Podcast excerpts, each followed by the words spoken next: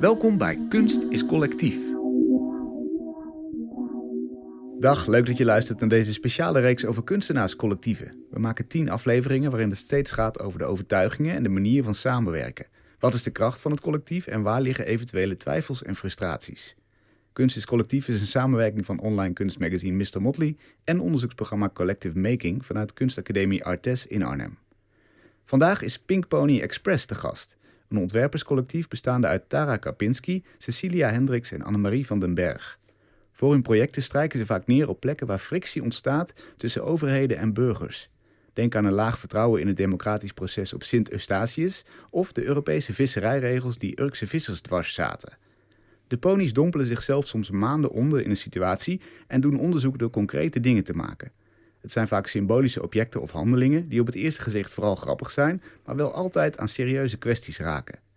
Zo werd in samenwerking met vissers uit Urk een gouden vissersoorbel ontwikkeld. Die werd gedragen door minister Carola Schouten en door Europarlementariër Annie Schreier-Pierik. En op het eiland Sint Eustatius konden alle inwoners door te stemmen een van de monumentale plekken van hun eiland nomineren om na te laten maken in Madurodam. Welkom Tara, Cecilia en Annemarie. Leuk dat jullie er zijn. Ja, dankjewel. Dankjewel. Jullie bestaan sinds 2010, dat is een hele tijd eigenlijk al. Toen gezamenlijk naar Detroit voor een project. Dat was de eerste keer dat de ponies vertrokken. Wat gingen jullie precies doen daar? Oei.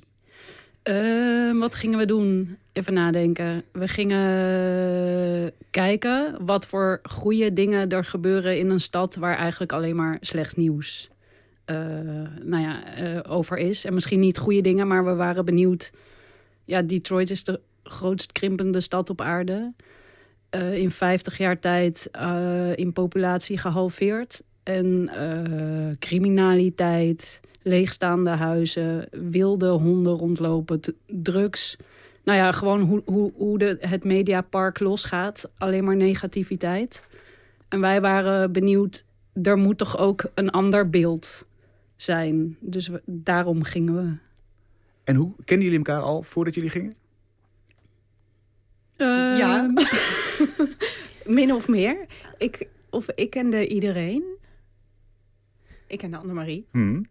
Want dat is ook familie. Okay. Dus die kende ik al heel lang. Yeah. En ik deelde met Tara al mijn studio, volgens mij. Toch? Ja, een beetje. Ik had jouw plek overgenomen, omdat jij met een ander project bezig was. En had iemand anders in hetzelfde studio mij gevraagd als een soort sublet. Oh, in de, maar ja, ja, Napels CS. Ja, en toen kwam jij terug. En een paar maanden of weken zelfs later begon het gesprek over Detroit. En Jessica ja, speelde en Jessica toen deed toen ook mee. Er was ooit een vierde pony. Ja. Inmiddels niet meer. Mhm. En die was eh, de vriendin van toen ook een studiogenoot. Dus die studio was best wel een hub. Behalve mij, ik. Ja. In Detroit, wat gebeurde er? Wat hebben jullie voor projecten gedaan? Verschillende dingen eigenlijk, hè? Vertel eens. Um, ja, we hebben heel veel netwerken in kaart gebracht. Ter plekke. Um, dus maar we, we waren in eerste we deden eigenlijk iets wat we niet verwacht hadden. Want in eerste instantie wilden we de. Uh, we hadden een artikel gelezen over een postbode die zijn huis had volgestanst. Met allemaal post die hij niet bezorgde. Of hmm. niet bezorgd kreeg eigenlijk. Omdat er steeds grotere gaten tussen de huizen vielen. Maar het aantal brieven wat hij moest bezorgen was nog steeds zo groot als daarvoor. Dus hij moest zich helemaal kapot rennen. Oh ja.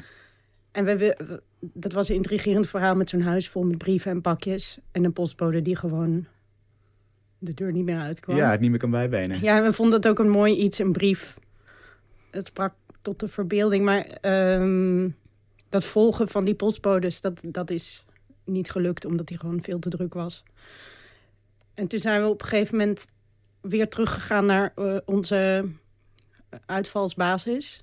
Uh, en toen hebben we bedacht, oké, dan gaan we ja, kijken wat we wel kunnen doen. En toen kwamen we eigenlijk wel uit op... Zeg maar, natuurlijk is de post ook een soort netwerk... maar toen zijn we zelf gaan zoeken naar verborgen netwerken... die eigenlijk een soort, als een soort weefsel... die stad die uit elkaar leek te vallen in het nieuws... toch bij elkaar hield. Oh ja, dat zijn die positieve elementen waar jij het over had. Hè? Die, die netwerken die er toch nog zijn. Waar, waar staat je dan op bijvoorbeeld? Sorry, kan je het nog een keer? wat voor netwerk stuit je dan bijvoorbeeld? Ja, er waren een paar. Uh, een van uh, was de kerken. Dat was meteen zichtbaar bij aankomst. Bijna elke hoek in Detroit heb je een, een kerk. Oké. Heel uiteenlopend. En als je bijvoorbeeld in Google Maps gaat filteren op kerken, krijg je echt duizenden rode stippen. En dat was heel integrerend. Dus eh één project ging over het in kaart brengen van eigenlijk een soort uithangsborden van de kerken, die je vaak in Amerika ziet. Eh, en die dragen positieve boodschappen over, over religie natuurlijk. En wij hadden dan een project gemaakt waarbij altijd het woord God of Jezus eh vervangde voor Detroit.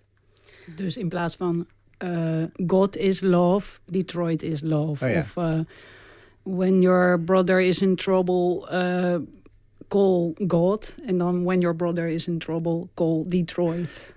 Ja, en daarnaast hebben wij bijvoorbeeld ook eh, ja, heel hard geprobeerd te begrijpen hoe de ondergronds netwerk van stoom door de stad loopt. En we hebben verschillende experimenten gemaakt over wat je allemaal kan doen met stoom in Detroit, waaronder ook een eitje bakken. Want er is een grote Ja. auto-industrie, geloof ik, hè? Oké. Nee, nee, dit heeft te maken met de verwarming, de stadsverwarming. Dus de, er waren net als in Chinatown in New York overal van die putdeksels waar, waar rookwolken uitkwamen. Ja.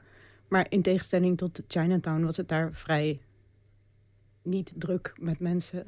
Dus we dachten, oh, de, de centrale verwarming, of hoe noem je de stadsverwarming werkt hier blijkbaar nog. Eh, en er komt overal stroom uit, de, maar wie gebruikt het eigenlijk? Oh, ja. Toen kwamen we er ook achter dat de stad een soort wurgcontract had afgesloten met een afvalverbrander. Ah, maar daar er was ook vandaan. niet genoeg afval, dus dat afval moesten ze inkopen in Canada. Om, om dus energie te produceren die verder niet echt gebruikt Die niet werd. gebruikt werd, Nee, moesten ze afval... Maar wel door ons dus, want wij hadden een eitje gebakken. Dat is dan toch een beetje eh, de, de fascinatie die misschien door een beeld komt. Dus, dus een postbode met een huis vol pakjes die hij niet bezorgd krijgt... of stoom wat ergens uitkomt. Het begint met een beeld. Is, kan, kan ik het Ja, dat wou ik net zeggen. Dit is precies hoe we altijd beginnen. Dus je loopt daar rond en je ziet stoom, echt, eh, ja, een soort van echt zuilen stoom uit de grond opstijgen. En dan word je, ja, eigenlijk gewoon nieuwsgierig en dan wil je meer weten. Ja, dat is ook iets wat ongrijp, ongrijpbaar? Ongrijpbaars? Ongrijpbaar. Ongrijpbaars, Ja. ja. Ehm, En spreekt tot de verbeelding. Ja, en ik denk ook wat wij leerden in Detroit over onszelf was dat we allemaal een gedeelde interesse hebben in een soort diepgaande onderzoek. Ehm, en bij al die projecten die we daar maakten, was er een zeer serieuze verdieping in de context eigenlijk. En inderdaad, bijvoorbeeld via de stoom kom je dan op zo'n verhaal... van het inkopen van afval en een wurgcontract. En, en Philip Morris had er ook mee te maken. oh ja, de sigarettenfabrikant. Ja. Ja. En dat, eh, waar houdt het dan op? Wanneer, wat is de rijkwijde van een project van de ponies? Ja, dat is een hele goede vraag. Heel Omdat- vaak houdt het niet op. Ja. ja, dus ook tijdens zo'n onderzoek begin je, of er komt een hele scala van actoren aan bod. Eh, of spelers zou je kunnen zeggen. En eh, dat is natuurlijk heel integrerend. Maar daarnaast komt er een hele geschiedenis erbij. Ehm, dus er zijn projecten van ons die ooit een keer gestart zijn. Ook een beetje, nou niet echt gestopt, maar op pauze. En dan gaan ze dan weer opstarten. Maar dan verandert er net iets op dat schakbord van, van spelers. Waardoor wij dan ook als collectief weer op in kunnen spelen. Heb je daar een voorbeeld van?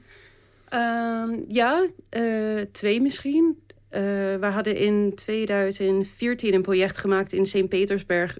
Wij werden uitgenodigd voor de Nederlands-Rusland Exchange jaar. Mhm. Dat was een cultural, nou voornamelijk een economisch exchange, maar er was ook een soort cultuur. Dekmantel. Ja, Zoals Inmiddels wel kijk je er zo naar. Ja, precies. Nog, nog Ja. sterker misschien, ja. Ehm, en frappant was dat wij werden gevraagd om werk te maken in de publieke ruimte. Maar dat In is, Rusland. In Rusland, Mhm. maar dat is heel lastig. Mhm. Omdat bijeenkomsten van, volgens mij was het destijds meer dan 13 personen in de openbare ruimte werden afgehouden. Kleiner Nog minder. Acht, Minder. zes of acht. Ja. En tegelijkertijd eh, had Poetin net die wetgeving getekend om het symbool van de regenboog te verbannen van de publieke ruimte. Ehm, en er waren allerlei soort protesten. Je zag ook bijvoorbeeld tijdens de Olympische Spelen in Sochi... de Duitse Olympische ploeg ging hun uniforms omtoveren tot een soort regenboogpatroon. Ehm, en toen hadden wij besloten, nou, we pakken in ieder geval de publieke ruimte heel breed. En we gaan aan de slag met het natuurfenomeen van de regenboog. En we hebben destijds een app ontwerpen die regenbogen kon voorspelen. Eigenlijk over de hele aarde, niet alleen Rusland. Hm. En eh, op een bepaald moment zochten wij naar ja, een soort onderhoudsgeld om het nog levend te houden.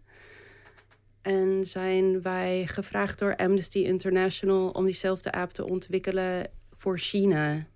Dus toen kwam er een tweede editie erbij. Voor alle onvrije landen waar, waar geen Ja, maar dat is precies zijn. waar je denkt, waar houdt het op? Ja, en precies. gaan we dan ook voor Oeganda? Of ja, je kan maar doorgaan.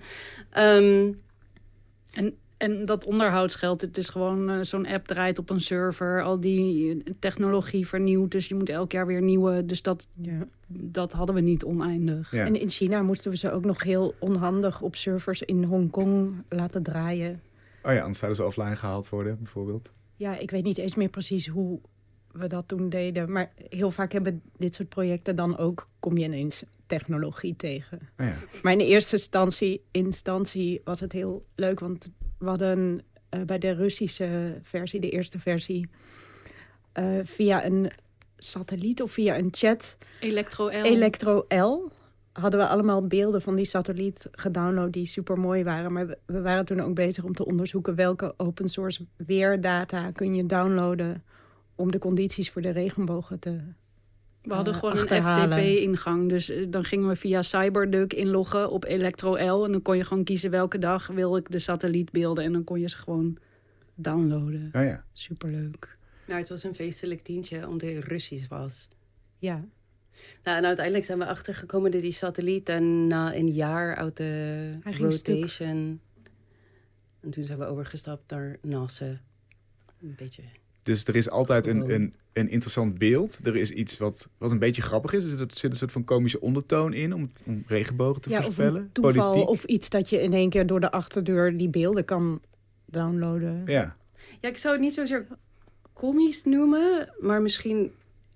Het is, het is meer symbolisch.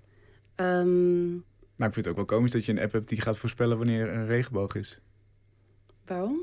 Dat is, toch- dat is toch grappig? Dat is toch on- ongebruikelijk?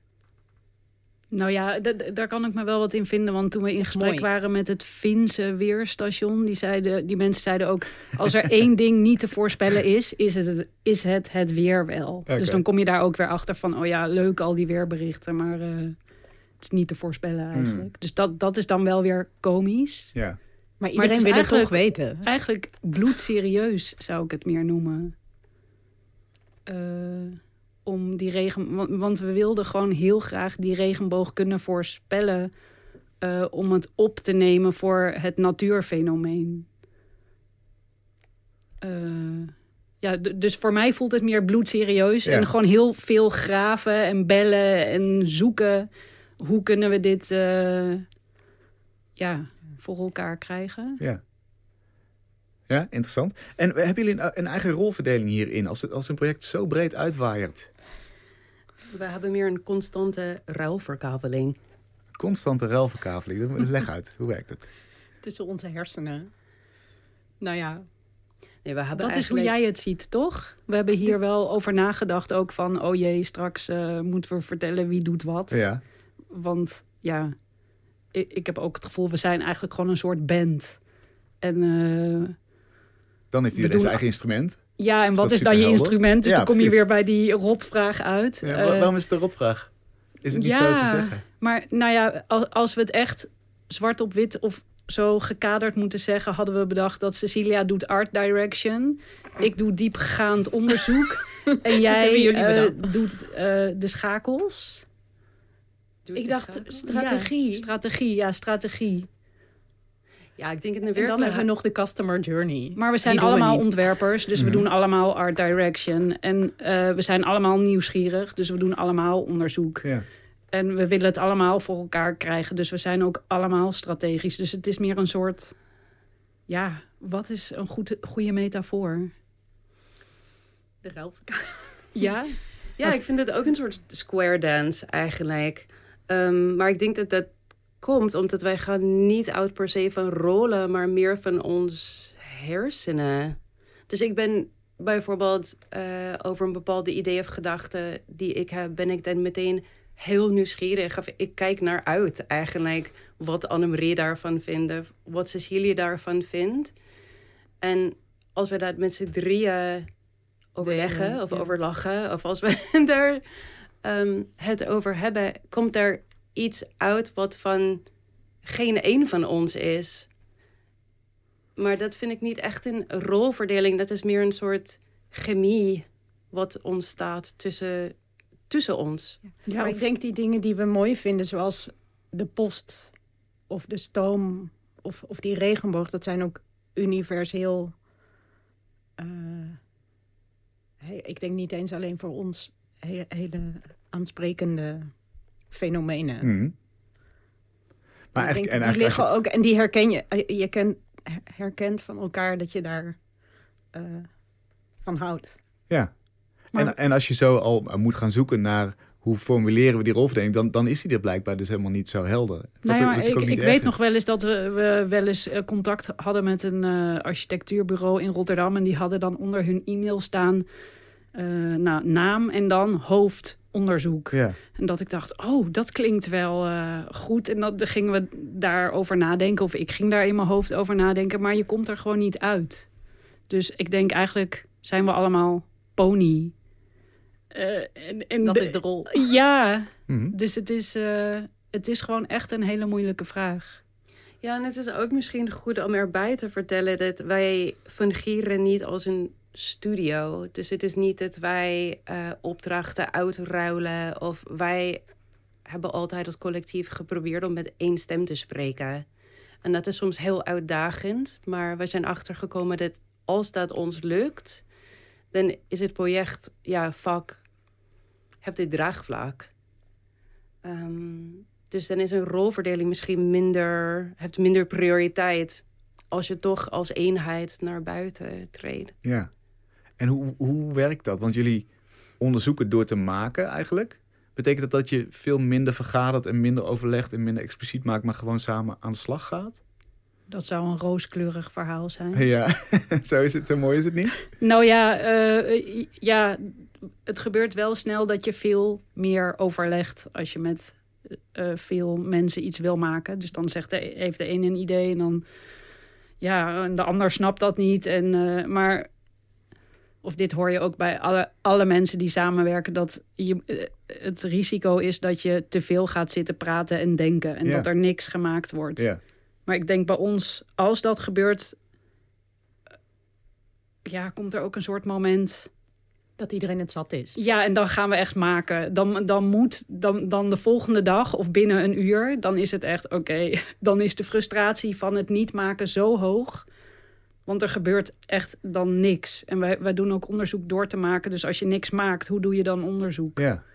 En als je zegt, we doen onderzoek door te maken, hoe zorg je dan dat je met één stem spreekt inderdaad? Hoe ziet dat eruit Nou, in, in beelden? Ja, soms is die frustratie bij één zo hoog of de eh, actie-reactie zo groot dat iemand iets gaat doen of soort van en dat we mee dat we dat we allemaal denken er moet iets gebeuren, dus we gaan dat doen. Ja, en het vraagt ook soms veel, mm, ja, hoe zeg je dat? Eh, kracht. Dus we hebben ook bijvoorbeeld onderzoek gedaan, ja, door te maken, eh, waar je echt drie mensen nodig hebt, omdat het beeld die je wil creëren vraagt gewoon heel veel uren of heel veel materiaal of heel veel tijd. We hebben ooit bijvoorbeeld een tekening door eh, mensen die door een tunnel heen lopen gemaakt. Heel simpel, dat iedereen met een potlood langs een muur loopt. Met eh, verschillende kleuren die corresponderen met de tijd van de dag. Maar dat hebben wij tien uur lang gedaan. Nou, in je eentje lukt dat niet. Ehm, En dan soms gaat het geen eens om die tekening, maar door dat te doen in die tunnel en tien uur lang kom je zoveel mensen tegen en zoveel nieuwe informatie. nieuwe informatie die je anders nooit was tegengekomen. Dus soms maakt het niet altijd, maar soms maakt het dus ook geen eens uit of die tekening nou een tekening is of dat we iets anders doen. Ja. En daar maakten jullie zichtbaar hoe, hoe die tunnel gebruikt werd, hè? Eigenlijk op welke tijdstippen en hoe vaak. En, Ja. en, eh, En wie er de ene kant op ging en wie de andere kant. Ja, dat was zo'n zwart gat. Het was een Maar ik tunnel denk, in de het maakt wel een kolenkit. beetje uit wat... Of, het maakt, maakt misschien niet uit wat we maken, maar het heeft altijd wel een mooie...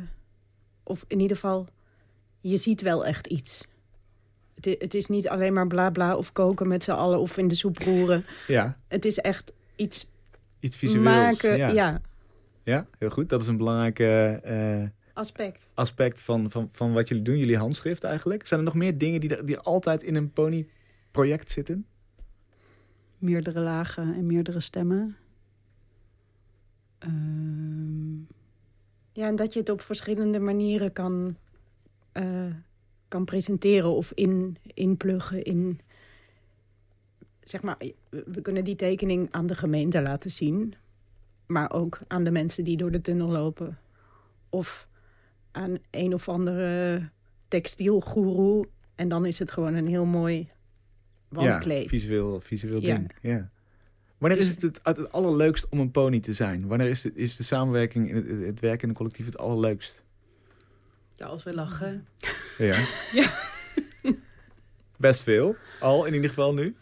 Ehm, Is dat, eh, is dat normaal gesproken ook zo? Of zijn het de zenuwen? nee, Nee. dat is, eh, veel lol, lol is wel belangrijk. Mhm.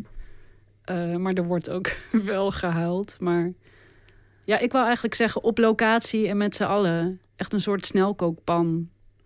Want we werken ook best wel soms versnipperd. Of ik ben er een tijdje minder actief geweest. En eh, we zijn er nu allemaal achter dat we het fijn vinden als gewoon alle hersenpannen aanwezig zijn. Mhm. En als je, ja, als je op locatie werkt, heb je gewoon heel veel tijd, eh, dag en nacht. Ehm, en focus. en focus. Maar dat- ja, dat heeft ook weer te maken met de setting waarin we nu zitten. Dat we allemaal ook ander werk hebben met inkomsten. Of wellicht kinderen of dat soort dingen. Ja. Ehm, ik ben de vraag een beetje kwijt. Nou, wanneer is het het leukst? Dus inderdaad, je zei op locatie met iedereen bij elkaar. Energie. Ja, wat ook super leuk is, is als we aan een project werken en dan wat gebeurt vaak is dit: jij of jij belt om eh, acht, nee later, elf uur s'avonds van ik heb een fantastisch idee. en eh, het project een nieuwe dimensie krijgt. En ehm, ja, heel vaak dan het is ook mij overkomen dat ik jou bel, maar dat, dat voel je meteen dat je denkt. En dan dat delen is heel fijn. Ehm, en dat is iets ook waar ik denk dat wij gewoon happy van worden. Ja. En wanneer is het helemaal niet leuk? Want we hebben in eerdere afleveringen al gehoord dat ja, het, het is gewoon niet altijd makkelijk in, om te werken in een collectief. Je moet oeverloos praten. Je moet eh, zorgen dat iedereen op de gelijke manier gehoord wordt. Eh, je moet ook heel veel eh, ja, samenwerken met, met of aan, aan projecten waarvan je eigenlijk denkt, "Maar ik weet niet of het zo leuk is. Wanneer is het niet leuk voor jullie? Ja, Jij, jij zei soms, het is net zoals een relatie hebben. In welke situatie? Ja, je, Nee, in alle. Ja, en wanneer is dat dan niet leuk? Wanneer verzucht je dat, zeg maar? In plaats Nou ja, bijvoorbeeld denken- als ik denk aan mijn relatie, als, als ik moe ben of de ander, dan eh, is de sfeer sneller eh, niet leuk. Dus eh, ja, je moet wel allemaal goed voor jezelf en voor je energie zorgen. Maar als er dingen op de achtergrond spelen die energielekken veroorzaken, dan leeft dat ook mee in de groep, bijvoorbeeld. Ehm, Ja, als je niet helemaal kan we kennen elkaar natuurlijk heel goed, dus je, je kan eigenlijk heel vaak gewoon zonder woorden al die ander begrijpen, maar soms ook niet. Maar je hebt het er niet de hele tijd of meteen over. En met z'n drie of vier is het ook complexer. Dus dan is het soms echt wel dat je niet meer weet wie je bent of wat je doet of waar. waar Existentiële crisis. Ja, en of het wel ergens op slaat wat je aan het maken bent. Hm. Want het, het zijn zulke soms ook ongrijpbare dingen waar je mee bezig bent. En de, de ene keer als, weet ik veel, als er iemand een artikel over wil schrijven, dan denk je, oh great, eh, we zijn fantastisch. Maar dat gebeurt natuurlijk niet altijd. Zeg maar, je, je kan, omdat het ongrijpbaar is, kun je soms heel erg gewoon kwijtraken wat je, wat je vast hebt. Ja. En eh, helpt het dan om elkaar te hebben? Kunnen jullie elkaar even eruit trekken als dat nodig is? Of, of zit je dan met je z'n kan allen er ook elkaar wel met z'n allen inzakken. Ja. Ja, precies. Ja. net zeggen. Maar het kan ook heel banaal zijn. Bijvoorbeeld dat eh, de ponies naar Sint Eustatius gaan. En op het laatste moment, ik weet niet, volgens mij had ik een miskraam. En ging ik niet mee. En zijn de ponies op een, een eiland en zit je thuis. ja. eh, Met, achter de ellende. rug. Ja. En dan mailen ze je elke dag. Oh, we zijn nu dit, we zijn nu dat. En dan denk je alleen maar. Ik wil. Dus het kan ook heel praktisch eh, ellendig zijn. ja. En dat is dan eigenlijk gewoon botte pech, denk ik. Of, of- of zijn er tips waarvan jullie denken, zo kun je, ik denk tegen iedereen die luistert en die misschien een collectief wil beginnen of daar al in werkt. Oh. Wat, zijn, wat zijn ervaringen waarvan jullie zeggen, zo wordt het net iets minder heftig op de... Nou, we hebben wel elkaars valkuilen moeten leren. En hoe noem je dat? Eh, talent of wat het tegenovergestelde. Eh, Ik wil je geen. superpower. Ja, ik wou geen kracht noemen, maar Nee, ja, heel goed. En dan, en maar als je snapt, oh, eh, want volgens mij mijn valkuil is authenticiteit. Dus, en ik snap ook niet precies, ik vind het altijd heel moeilijk om te begrijpen wat die term is. Maar als ik dus, en, maar, en dat is ook die authenticiteit. Dus als ik iets niet snap, eh, dan kom ik in mijn valkuil. Toch? Ja, en Ja. ik denk het verschil was... vroeger wisten wij... Nou, ja, we wisten veel vroeger niet. Maar nu kunnen we eigenlijk heel banaal zeggen... Oh, Annemarie, je zit in je valkuil. Ja. En we kunnen haar ook een beetje daaruit helpen. Maar dat is bij ons allemaal. Bij Dus jou je- is valkuil dat je geen overzicht hebt. Dus daarom de strateeg. Ehm, dat is misschien een tip. En Je hebt een soort van automatische rollen. In, dat, het is Dat ook wel, een ja. soort systemisch. Dus als je in een groep werkt, zijn er altijd bepaalde rollen aanwezig. En als ik bijvoorbeeld, of Cecilia een bepaalde rol op zich heeft, maar die is er even, valt weg, dan automatisch neem je als groep, verdeel je die rollen. Maar soms komt er dus een rol ook bij je terecht waar je helemaal niet denkt, eh, dat, daar voel ik me goed bij. Wat zijn dat voor rollen bijvoorbeeld?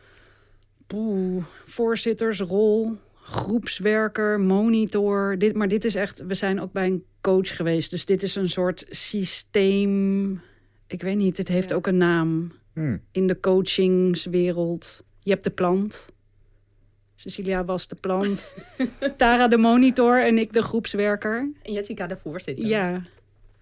Ehm, en de plant heeft bijvoorbeeld veel ruimte nodig om goed te kunnen te floreren. De groepswerker heeft eigenlijk nodig dat de groep goed gaat. Dus als het frictie... Harmonie. Ja, harmonie. Dus ik, mijn lijmvoorraad is groot.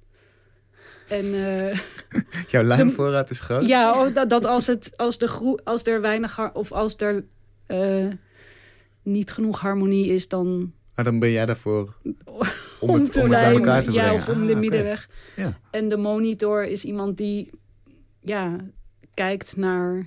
klopt het wat we doen? Als dit onze vraag was en we zijn nu hiermee bezig... moeten we dan eigenlijk niet bijsturen? Of een voorzitter was figuur naar buiten toe. Ja, en het grote geheel, Ja. denk ik. En Maar de dit- lange termijn planning. Maar ik, ik, even, even, misschien dwalen wij een beetje af bij jouw vraag Ja. over wat voor advies zou, zouden wij geven aan collectieven. Ik denk ook, maar dat is ook iets wat ik vaak tegen mijn studenten zeg, is maak iets. Dus dat gaat ook een beetje terug naar hoe wij werken. Ehm, dit is, je, je kan soms een stap nemen met je handen. In plaats van te praten over, of te praten over wat is een collectief of hoe verhouden wij naar elkaar. Dus ik denk dat wij zijn ook heel goed in altijd teruggaan naar de basis. En de basis is het maken. En heb je een voorbeeld van een situatie waarin je denkt, nou, we komen de praten niet uit, maar laten we iets gaan maken en dan is er weer ergens een opening? Strings? Of de vuilnis. Vuilnis? Toen gingen we toch grof vuil Oh. opnieuw ordenen. Oh ja. Vertel. Dat is niet ons meest geslaagde Nee, project. strings ook niet. Ja, maar het is wel. Maar nou, toen gingen we wel uit wanhoop iets Het was wel toch? een van de eerste keer die wij probeerden in opdracht te werken. Dus we hadden een succesvol project gemaakt in de Kolenkit in Amsterdam, waarin wij eh, hebben voorgesteld dat brood wat op straat belandt, wordt verwerkt uh, door anaerobic digestion tot nieuwe energie. En dat was een samenwerking uiteindelijk uh, met de moskee en ook met de gemeente en ook biologen uit Wageningen. En we hadden een machine ontwerpen die heet een vergister. En ineens kregen wij, of werden wij gebeld door meerdere gemeentes in Nederland als we niet een vergister wou komen maken voor hun. Um, broodvergister. Een broodvergister, ja. ja. En uiteindelijk heeft ook Stadsdeel Oost ons benaderd. En wij hebben soort de touwtjes in handen genomen en gezegd... wij willen heel graag iets voor jullie komen doen, maar het wordt geen vergister. Iets dus nieuws. Misschien iets nieuws. Iets ja. nieuws, ja. Dus geven ons een ander opdracht. En toen hebben ze ons een wat breder vuilnisopdracht gegeven, maar met heel veel soort ijs, eisen. En wij komen daar helemaal niet uit. En, maar dat was wel een heel belangrijk les, omdat wij dachten, wij kunnen eigenlijk alleen ons werk doen als wij geen agenda hoeven te volgen. En de wens was gewoon heel groot voor weer een broodvergister. Terwijl het is ook wel uh, eigen aan ponyprojecten dat als je een project uit een context haalt, je tilt hem op en je stopt hem dus in een andere wijk of in een andere stad of land, dan hoeft dat echt niet meteen weer te kloppen. Dus het is heel locatiespecifiek. Dus, dus bij de gemeente Stadsdeel Oost dachten we ja, misschien komen we daar wel op uit, maar we moeten eerst goed kijken wat er speelt. Om, misschien speelt er iets heel anders. Ja, niet als beginpunt meteen al, als kant-en-klare oplossing. Ja. Jullie hebben allemaal een hanger om, zie ik. Een, een ketting met een hanger. Ja. Met banaal erop. Waarom dat woord? Ja. Wie gaat dit Ik heb uitleggen? Raduga. Ja, Oh, ja. we hebben meerdere hangers. Ook Pony. Maar die, Pony Ja. is, eh, die zijn allemaal stuk omdat die, de, al, onze allereerste ketting was Pony. Maar banaal, ja, dat is zeg maar ons nieuwe, hoe noem je dat, in slogan? In catchphrase? Motto? Nou, het is Een één woord. Motto. In luus? Ehm, Dat met mijn afstuderen te maken. ja, dat ook. Vertel. Nou ja, ik, ik heb eh, op de ponies gereflecteerd met een master eh, bij het Piet Zwart. Eh, master Education in Arts. Dus ik wou kijken wat zijn de pedagogische waardes van ons werk en hoe kan ik dat vertalen naar het onderwijs. En toen werd ik vorig jaar, januari, eh, had ik mijn presentatie online, want er was weer corona. En er was een extern. En ik, alle, alle ponies had ik uitgenodigd om erbij te zijn. En er was een extern. eh, hoe noem je dat? Gecommitteerde? Gecommitteerde. Die op een gegeven moment een vraag stelde. Maar die introduceerde. Oh, nou ja, het, werk van, het banale werk van de ponies. En toen stelde ze een vraag. En eh, ik, ik was het al bijna weer vergeten, maar de ponies zaten bij mij. Dus toen de beoordeling klaar was, werd er volmondig gezegd: banaal. en ik was het alweer bijna vergeten, maar toen zijn we helemaal in dat woord gedoken. Wat eigenlijk een belediging was. Nou ja, dat het, Toch? Ja, maar, Maar we hebben dit uiteindelijk, we wel. wij dachten, We gaan het omarmen. we own it. Ja, Ook omdat eh, we zijn tot de conclusie gekomen dat wij misten, zeg maar in het huidige kunstklimaat, een bepaalde gevoel van vrijheid. Omdat er zoveel, en ook waardevol, maar ook zeer gecompliceerde gesprekken gaande zijn. Waar we zien dat de kunstenaar bijna verlamd wordt. Of dat je niet zo snel stap durft te zetten, omdat je zo hard over na moet denken van hoe gaat het vallen.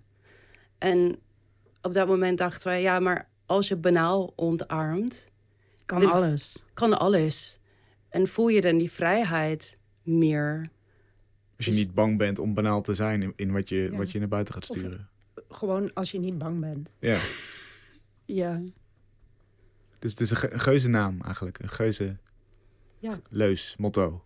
Ja, motto vind ik wel. eh leu jij wou de leus.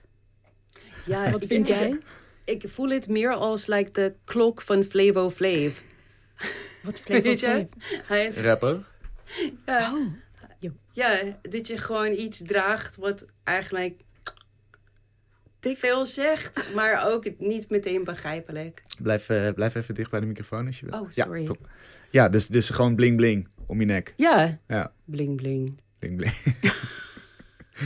Nog even over, over dat project wat je net noemde in Rusland. Eh, dat heeft natuurlijk een heel andere lading gekregen. Ook wat jullie daar toen deden in de metro. Is er nog een interessante eh, performance eigenlijk. Jullie gingen dus als groepje ook de metro in. Met planten, geloof ik ook hè? Vertel, Ja. wat, wat gebeurde daar? Ja, dat was ook een eh, soort spel met hoe, hoe, hoe lang kun je eigenlijk de regels eh, proberen te schenden zonder ze echt te, te breken. Dat ging er ook over hoe, wanneer is iets een, een manifestatie of een eh, performance in de openbare ruimte met meerdere personen, wat helemaal niet mag. En, en wanneer zit je gewoon met een plant in de metro?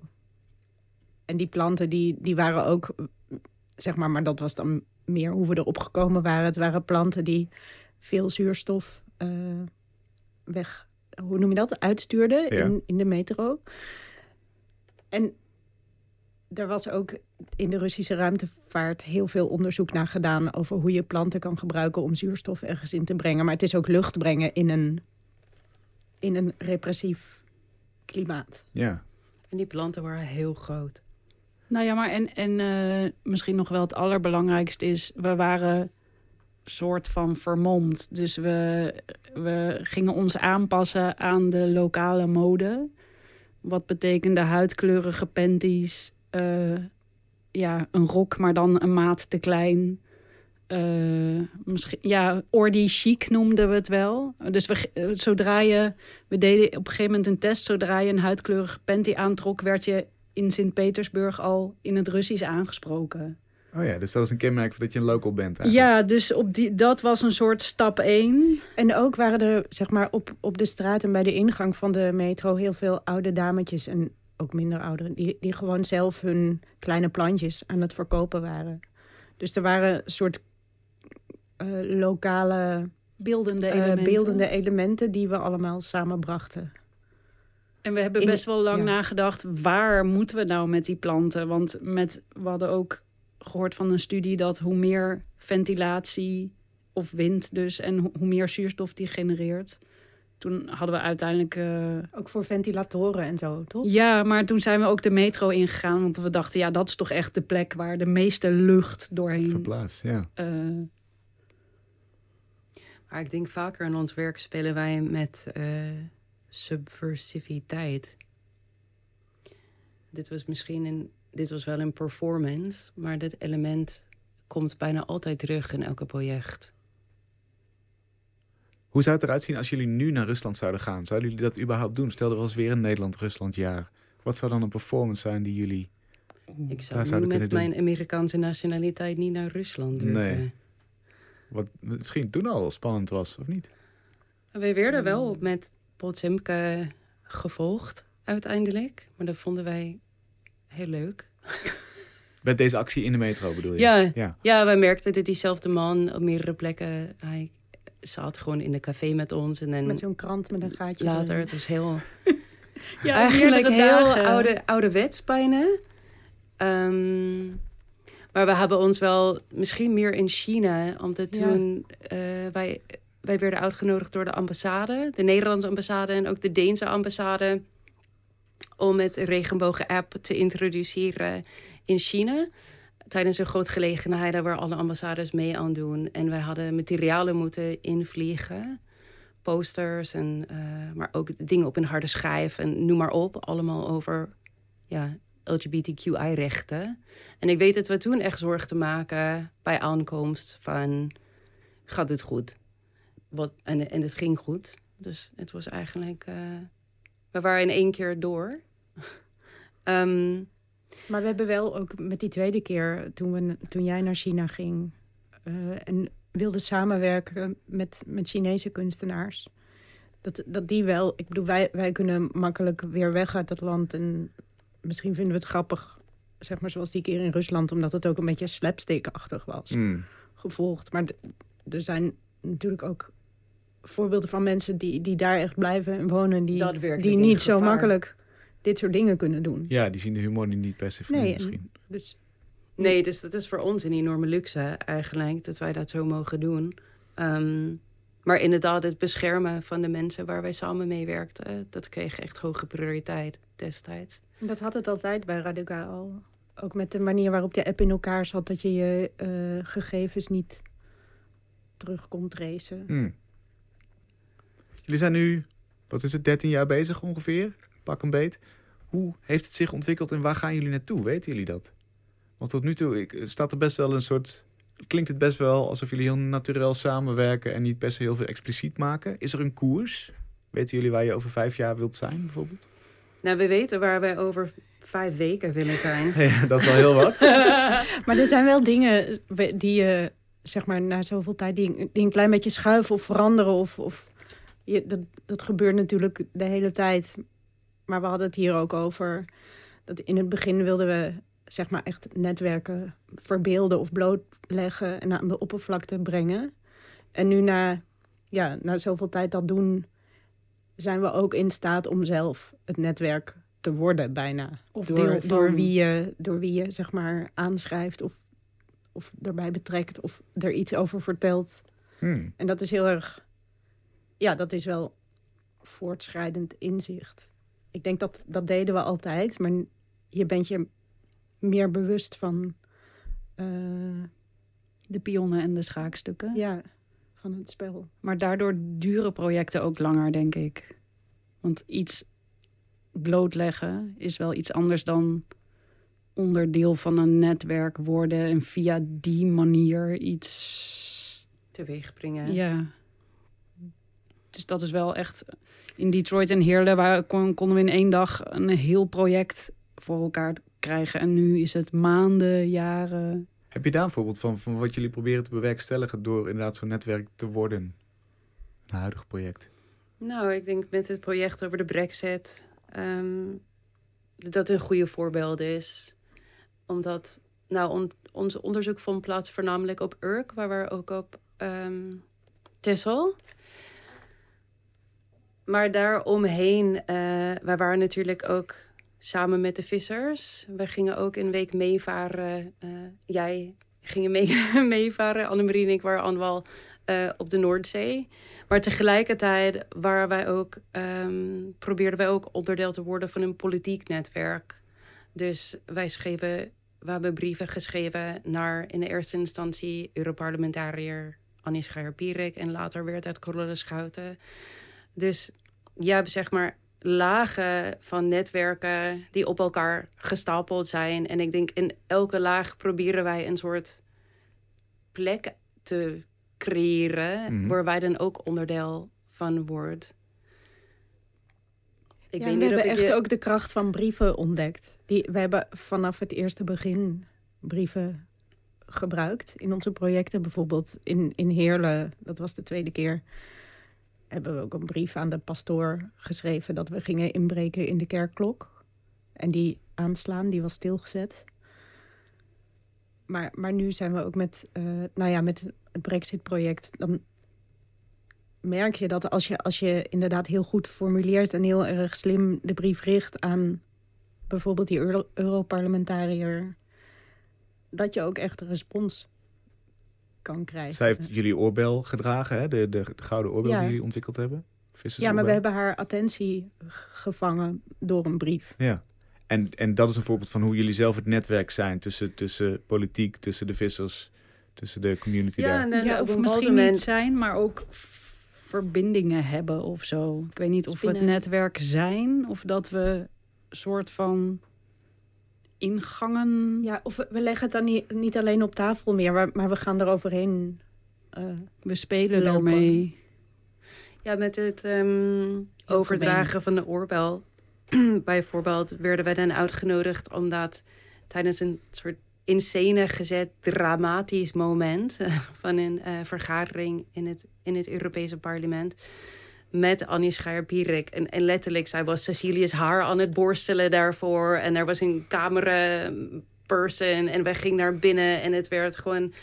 En later, ehm, ja, dat is natuurlijk voor ons project een soort waanzinnig publiciteit. En ook een arrival in, in die setting. Dat je bent dan ineens eventjes onderdeel van een, ja, ook een politieke wereld waar je nooit zo snel komt. En dit was om een foto te maken of een video? Ja. Ja, dit was om een foto, Foto, te ja. Eh, en wij hebben die foto's toen ook gekregen. En dat, maar, ehm, dus wij gebruiken dan die foto's voor ons eigen doeleinden. Maar een paar maanden later kregen wij dan het kerstkaart van Annie Scherpierik... waarin zij dat foto ook gebruikt voor haar eigen politieke doeleinden. Is een soort nieuwsbrief. Ja, Die naar weet ik het wie en dan je allemaal. kan je afvragen, soort van... who- Who's using who? Hmm. En ik denk dat, dat who's using who en dat spelen met een evenwichtige relatie, of, dat is iets waar wij beter in geworden zijn de, in, over de jaren heen. Ehm, Ik ben heel benieuwd hoe het er over vijf jaar uitziet. Maar ja, jullie weten vijf weken, dus, dus we moeten afwachten en, en over vijf jaar terugkomen, denk ik. ja, of je nodigt ons uit over vijf weken en dan kunnen we ook vertellen. Ja, precies, maar dat is toch maar vijf weken. Leuk dat jullie er waren, dankjewel. Denk je? Tot zover deze aflevering van Kunst is Collectief. Als speciale reeks van Kunst is Lang. Een samenwerking van Mr. Motley en onderzoeksprogramma Collective Making van Kunstacademie Artes. Volgende week een nieuw collectief. Tot dan.